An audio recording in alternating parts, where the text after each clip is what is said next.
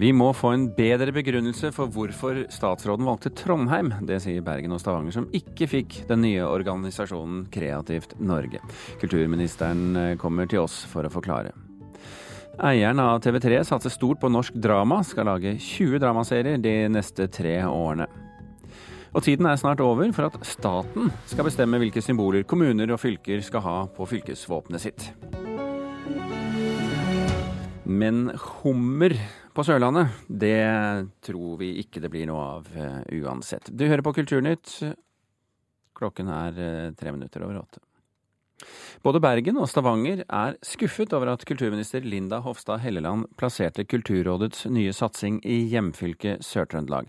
Kulturministeren bør vise at det faktisk har vært en åpen prosess, sier kulturredaktøren i Bergens Tidende.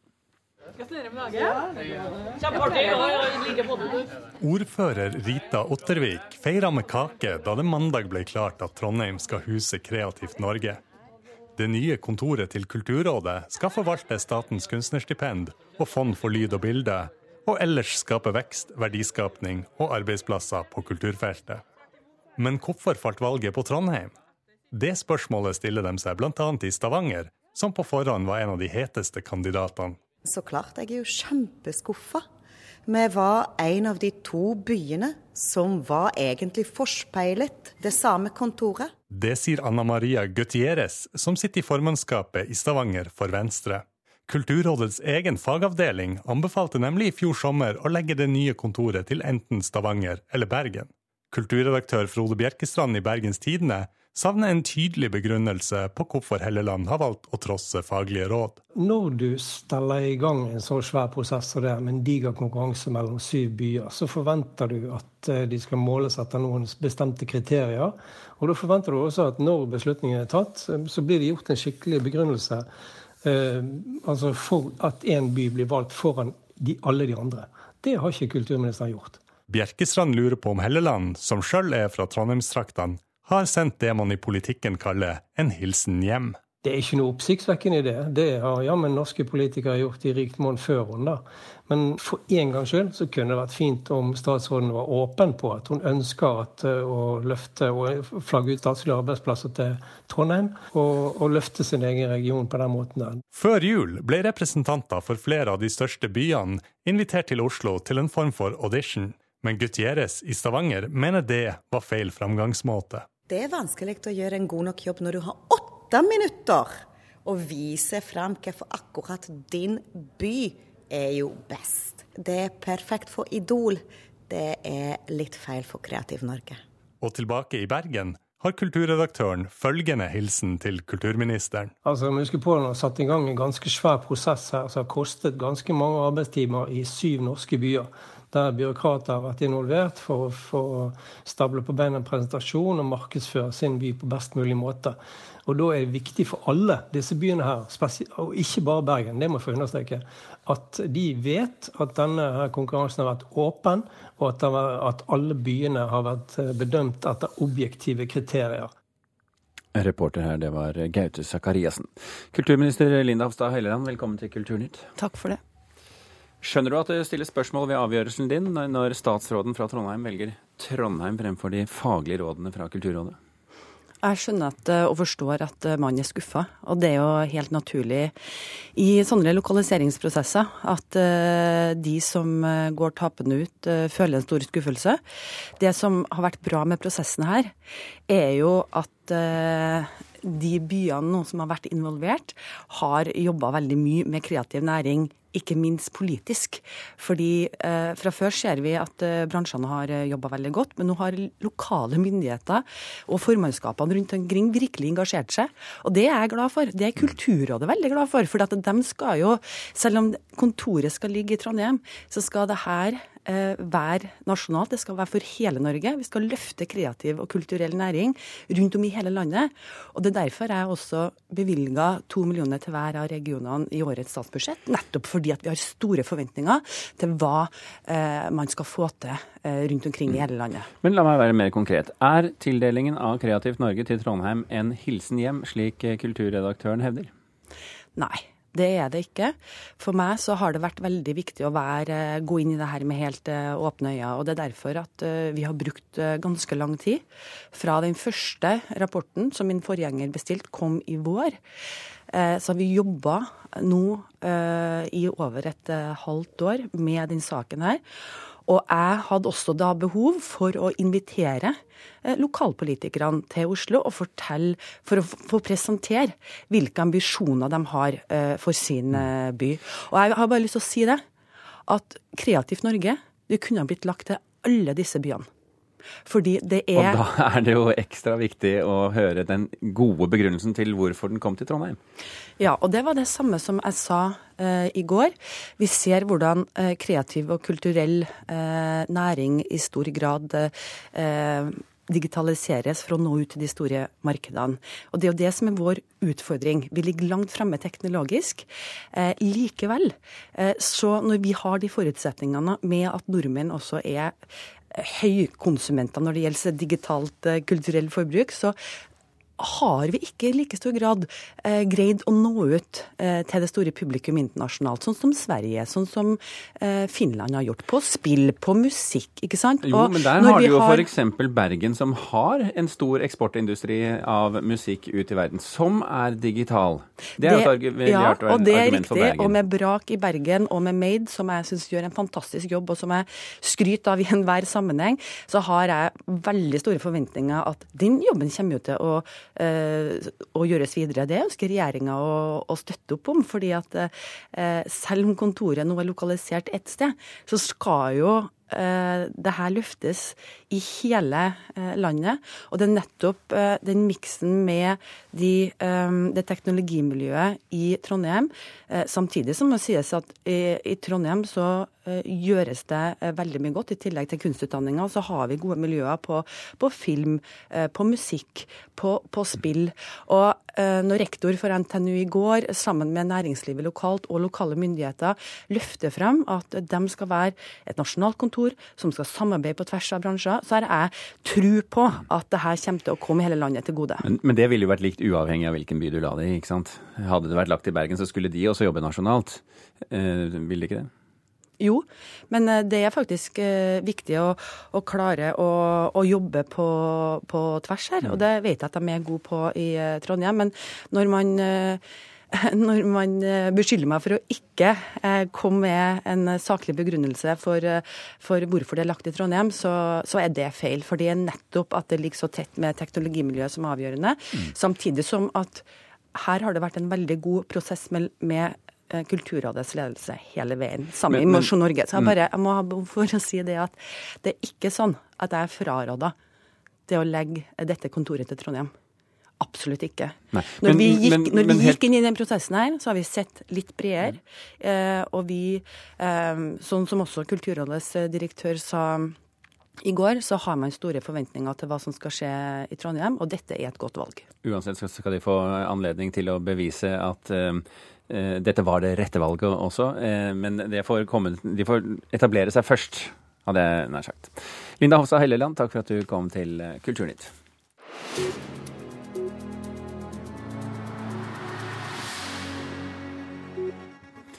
Vi har fått reporter Oddvin Aune inn i studio. Han har lest avisene, og mye handler vel i dag om det tragiske dødsfallet til komiker Åsleik Engmark, Oddvin? Ja, han hylles av flere av sine kollegaer. Eh, Linn Skåber omtaler han som en av de aller største forbildene i hennes egen karriere som komiker. Og Hun sier til VG at han var en stor personlighet og en av de skarpeste til å se sammenhenger. Videre så har Harald Eia trukket fram evnen hans som improvisasjonskunstner, og at han fulgte tanke eller idé 100% og klarte å gjennomføre det. Og eh, Aftenpostens teateranmelder Mona Levin eh, sier til egen avis at eh, Engmark var veldig veltima og velformulert, og at han var en original humorist, standup-komiker og skuespiller. Vi skal fortsatt snakke, fortsatt snakke om folk som er velformulert, men på et helt annet plan. Hør her. Jeg ble veldig overraska. Dels fordi at jeg ikke er svensk, og dels fordi at er jo kjent som romanforfatter. og ikke så mange som tenker på essaystikk og artikler og sånt. Så det var, var veldig morsomt. Ja, Dette er altså Karl Ove Knausgård, mange som kjenner igjen stemmen hans her. Grunnen til at uh, svensk TV, eller er det Sveriges Radio, jeg er ikke helt sikker, har uh, intervjuet han, er at han uh, har vunnet en ny, i hvert fall for han, en ny type pris. Ja, det er ikke hver dag han vinner pris for uh, noe annet enn bøkene sine, men det har han gjort denne gangen. Han uh, vant den svenske Bjørn Nilsson-prisen for framstående kulturkritikk. Det er en pris som deles ut av avisa Ekspressen. Og i begrunnelsen heter det at han er en av verdenspressens mest etterspurte penner, og han er en av ytterst få skandinaver som publiseres i aviser som The Guardian og New York Times. Men i det intervjuet han gjorde med Ekspressen, så har han også et spark til kulturjournalistikken. Og Håper ikke du føler deg altfor truffet av det, Birger. Men han, han, forteller til Ekspressen at da han leste litteraturvitenskap i Bergen som 20-åring, begynte han å abonnere på svenske Dagens Nyheter fordi han syntes at norsk kulturjournalistikk var helt elendig. Og i dag er det bare Klassekampen han eh, abonnerer på i Norge, og han eh, skryter av at den har blitt veldig bra. Men ellers har det vært et enormt forfall i kulturjournalistikken. Ja, bl.a. Eh, når du har eh, programledere som henviser til Sveriges Radio eller svensk TV, når det vitterlig er Ekspressen som her hadde tatt opp lyden. Oddvin Eide, takk for at du eh, kom. MTG, eieren av TV-kanaler som TV3, satser nå stort på norsk drama. Smartere produksjonsmetoder skal gjøre det mer lønnsomt, og ny teknologi skal være med på å lokke seerne til skjermen. Målet vårt er at vi skal ha eh 20 dramaproduksjoner, norske nordiske, på boks i løpet av 2020. Parasite i buksesurtek, takk. Var det en grei kveld i går, eller? Ja, det husker jeg ikke helt før i dag. Må skjerpe deg.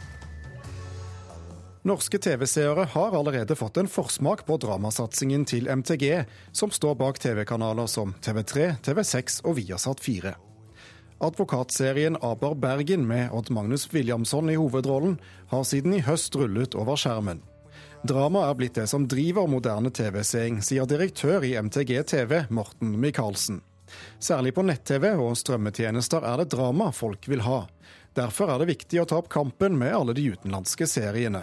De har eh, et publikum som er mye større og som er globalt. Og de har finansiert innholdet sitt 100-150 ganger før de kommer til Norge. Og for at ikke Norge skal tape i konkurransen mot eh, særlig amerikansk Hollywood-drama, så er vi nødt til å ha et volum som eh, gjør at vi kan fylle nok tid. Slik at vi kan fylle opp strømmeplattformer med eh, gode norske dramaalternativer.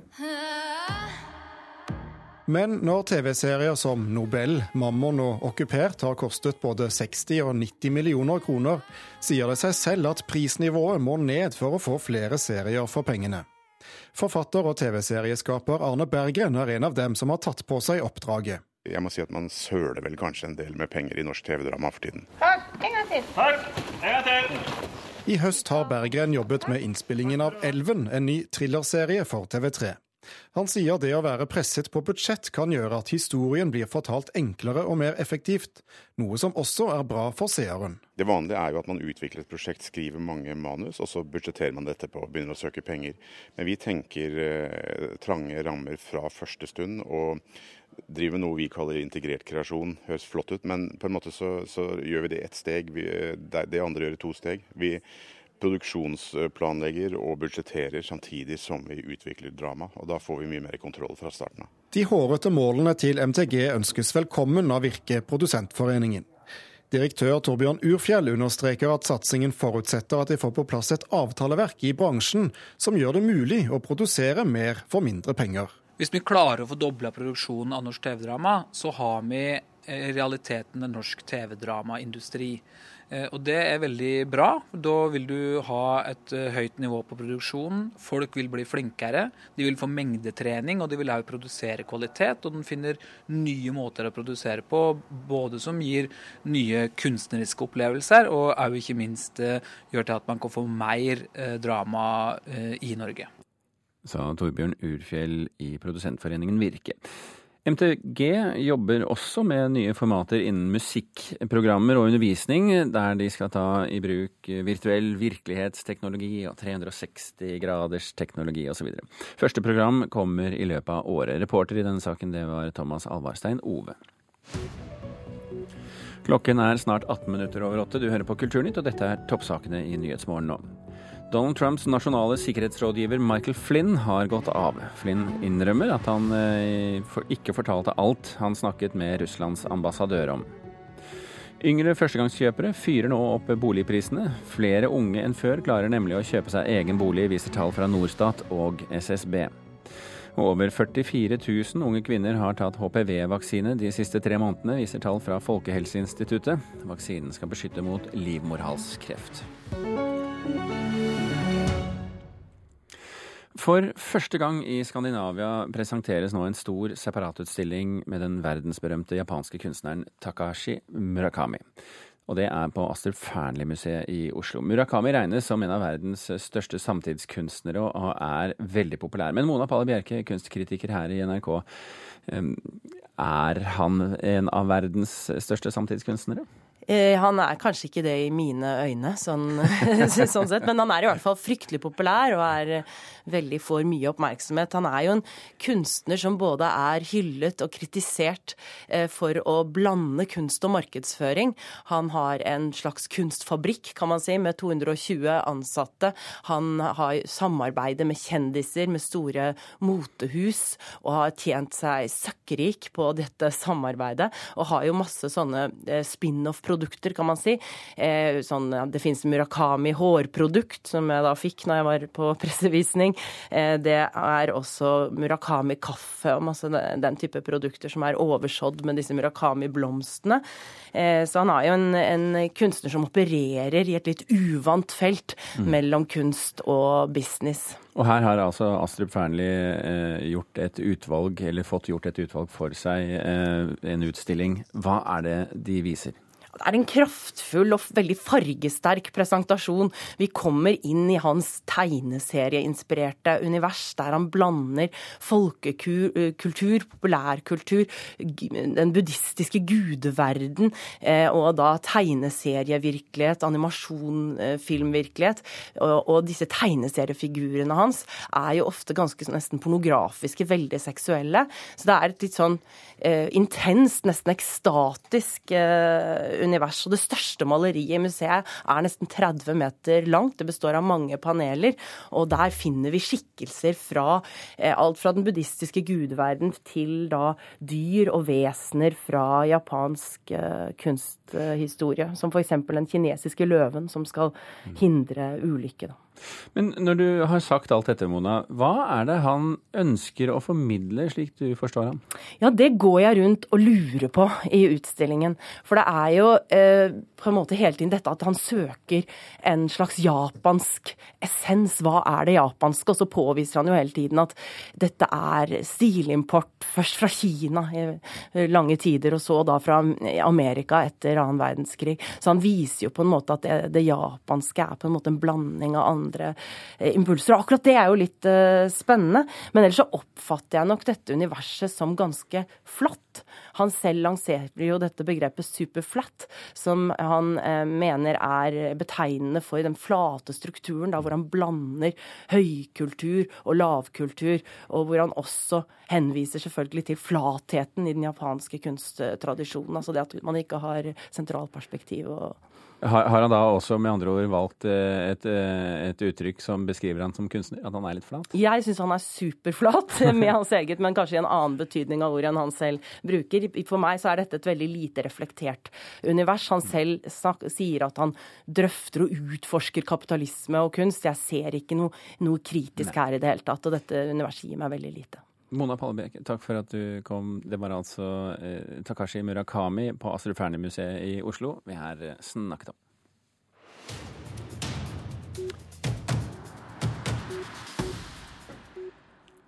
Magasinet Playboy fikk mye oppmerksomhet da de for et år siden droppet nakenbilder i et forsøk på å få opp opplaget og tiltrekke seg nye annonsører. Men nå snur de og tar nakenbildene inn igjen. Det skriver New York Post. Snuoperasjonen skjer bare måneder etter at den nakenforbudkritiske sønnen til Hugh Hefner tiltrådte som ny Playboy-sjef. Subscribe to Keemstar!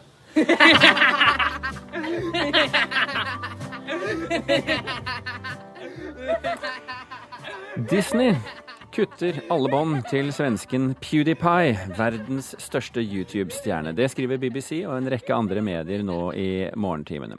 Årsaken er videoen du hører fra her, der svenske PewDiePie for en måned siden testet en nettbasert tjeneste der man bestiller ymse opptrinn for fem dollar. På svenskens bestilte video danser og ler to indiske menn mens de holder opp en plakat der det står 'Drep alle jøder'. Videoen vakte sterke reaksjoner, og nå velger altså Disney, som eier YouTube-nettverket som PewDiePie er en del av, og droppe stjernen etter å ha blitt konfrontert med saken i Wall Street Journal. Tiden er snart over for at staten skal bestemme hvilke symboler kommuner og fylker skal ha på fylkesvåpenet sitt. Det betyr at sørlendingene selv kan bestemme hva som skal pryde fylkesvåpenet til det nye fylket Sørlandet. Et dyr, kanskje? Ja, Hvilket dyr kunne det ha vært? Ja, Det måtte være et reinsdyr. Masse tre, skau. Ja, det har passa både for innlandet og, og, kysten. Ja, det kunne godt vært noe tre eller noe sånt. Det syns jeg hadde vært fint, for det er jo mye skauer. Det går mot sammenslåing av de to Agder-fylkene. Nå spør du veldig vanskelig, egentlig, for det det har jeg ikke tenkt på. Men å finne et symbol som skal representere alle deler av det kommende storfylket helt sør i landet, blir ikke bare lett. I dag er Aust-Agders fylkesvåpen to gullbjelker på rød bunn, et motiv som henspiller på trelasthandelen. Vest-Agder har en gulleik på grønn bunn. Eiketre, det, ja. Litt tre, det er veldig bra. Hummer, som noen foreslo før jul, blir nok ikke å se på noe framtidig fylkesvåpen. Og jeg tror jeg representerer veldig mange Agder-kommuner når jeg sier at en hummer er det noe som virkelig ikke representerer de fleste kommunene i Agder, så må det være hummeren. For det er jo veldig mange kommuner som ligger langt vekk fra havet. Sier ordfører Jon Rolf Næss i Bykkele, nesten 20 mil unna skjærgården i Kristiansand. Når det nye felles fylkesvåpenet skal lages, er det viktig å involvere folk, mener han. Det skal være et symbol på regionen. Eh, og alle, hvor enn man bor i denne regionen, så skal man liksom føle at det våpenet det har en bitte liten flik av sin egen kulturarv. Og det er klart det er vanskelig, og det er krevende å finne frem til et godt fylkesvåpen når man har en, en region med så stort mangfold. Når eh, kommuner eller fylker går sammen og skal bygge en ny kommune eller en ny region, så er utarbeidelse av kommunevåpen et viktig tiltak for kulturbygging og identitetsbygging. Sier kommunal- og moderniseringsminister Jan Tore Sanner, som nå foreslår en forenkling av regelverket. I dag må kommunenes utkast til kommunevåpen kontrolleres av Riksarkivet og godkjennes av Kongen i statsråd, i en nokså streng og tidkrevende prosess.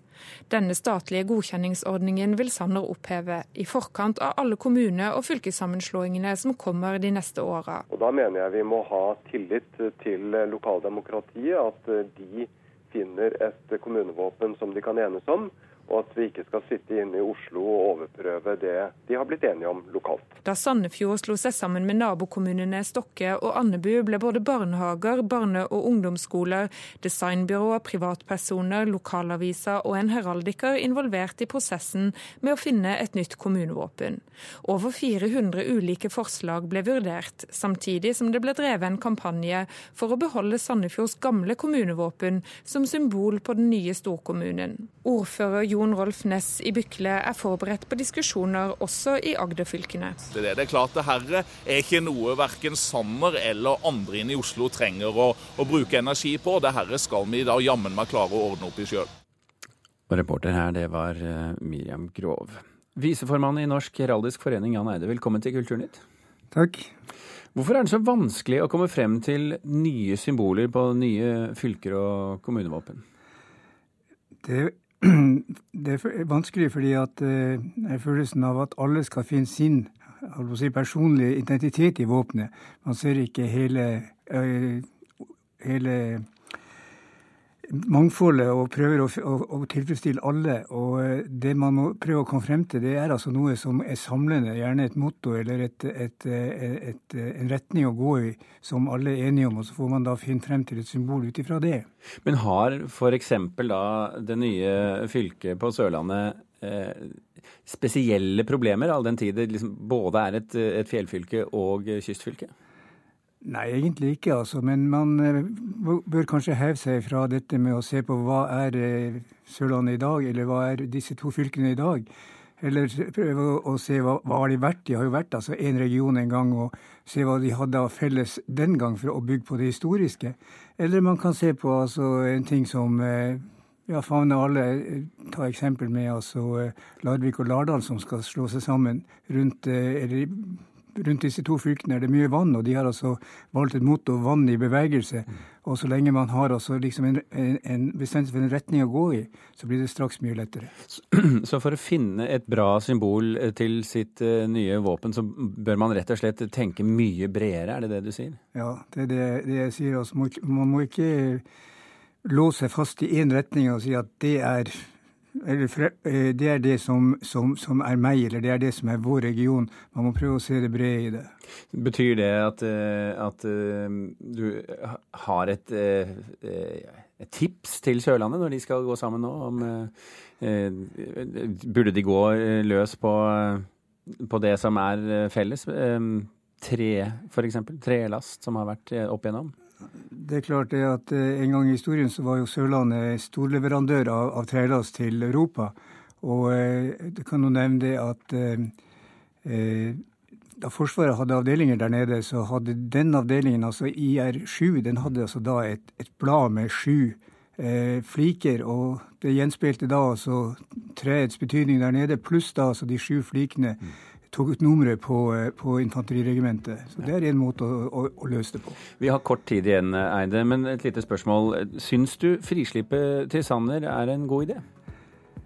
Eh, vi har kritisert i Norsk Rallyforening har vi kritisert eh, Riksarkivet for å, ha, å, å, tolke de heraldiske reglene for strenge.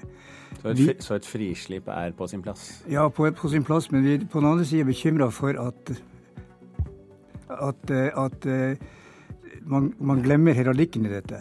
Vi får ta den med Eide. Takk for at du var med i Kulturnytt. Vi runder av nå. Takk for at eh, dere fulgte med. Hør flere podkaster på nrk.no podkast.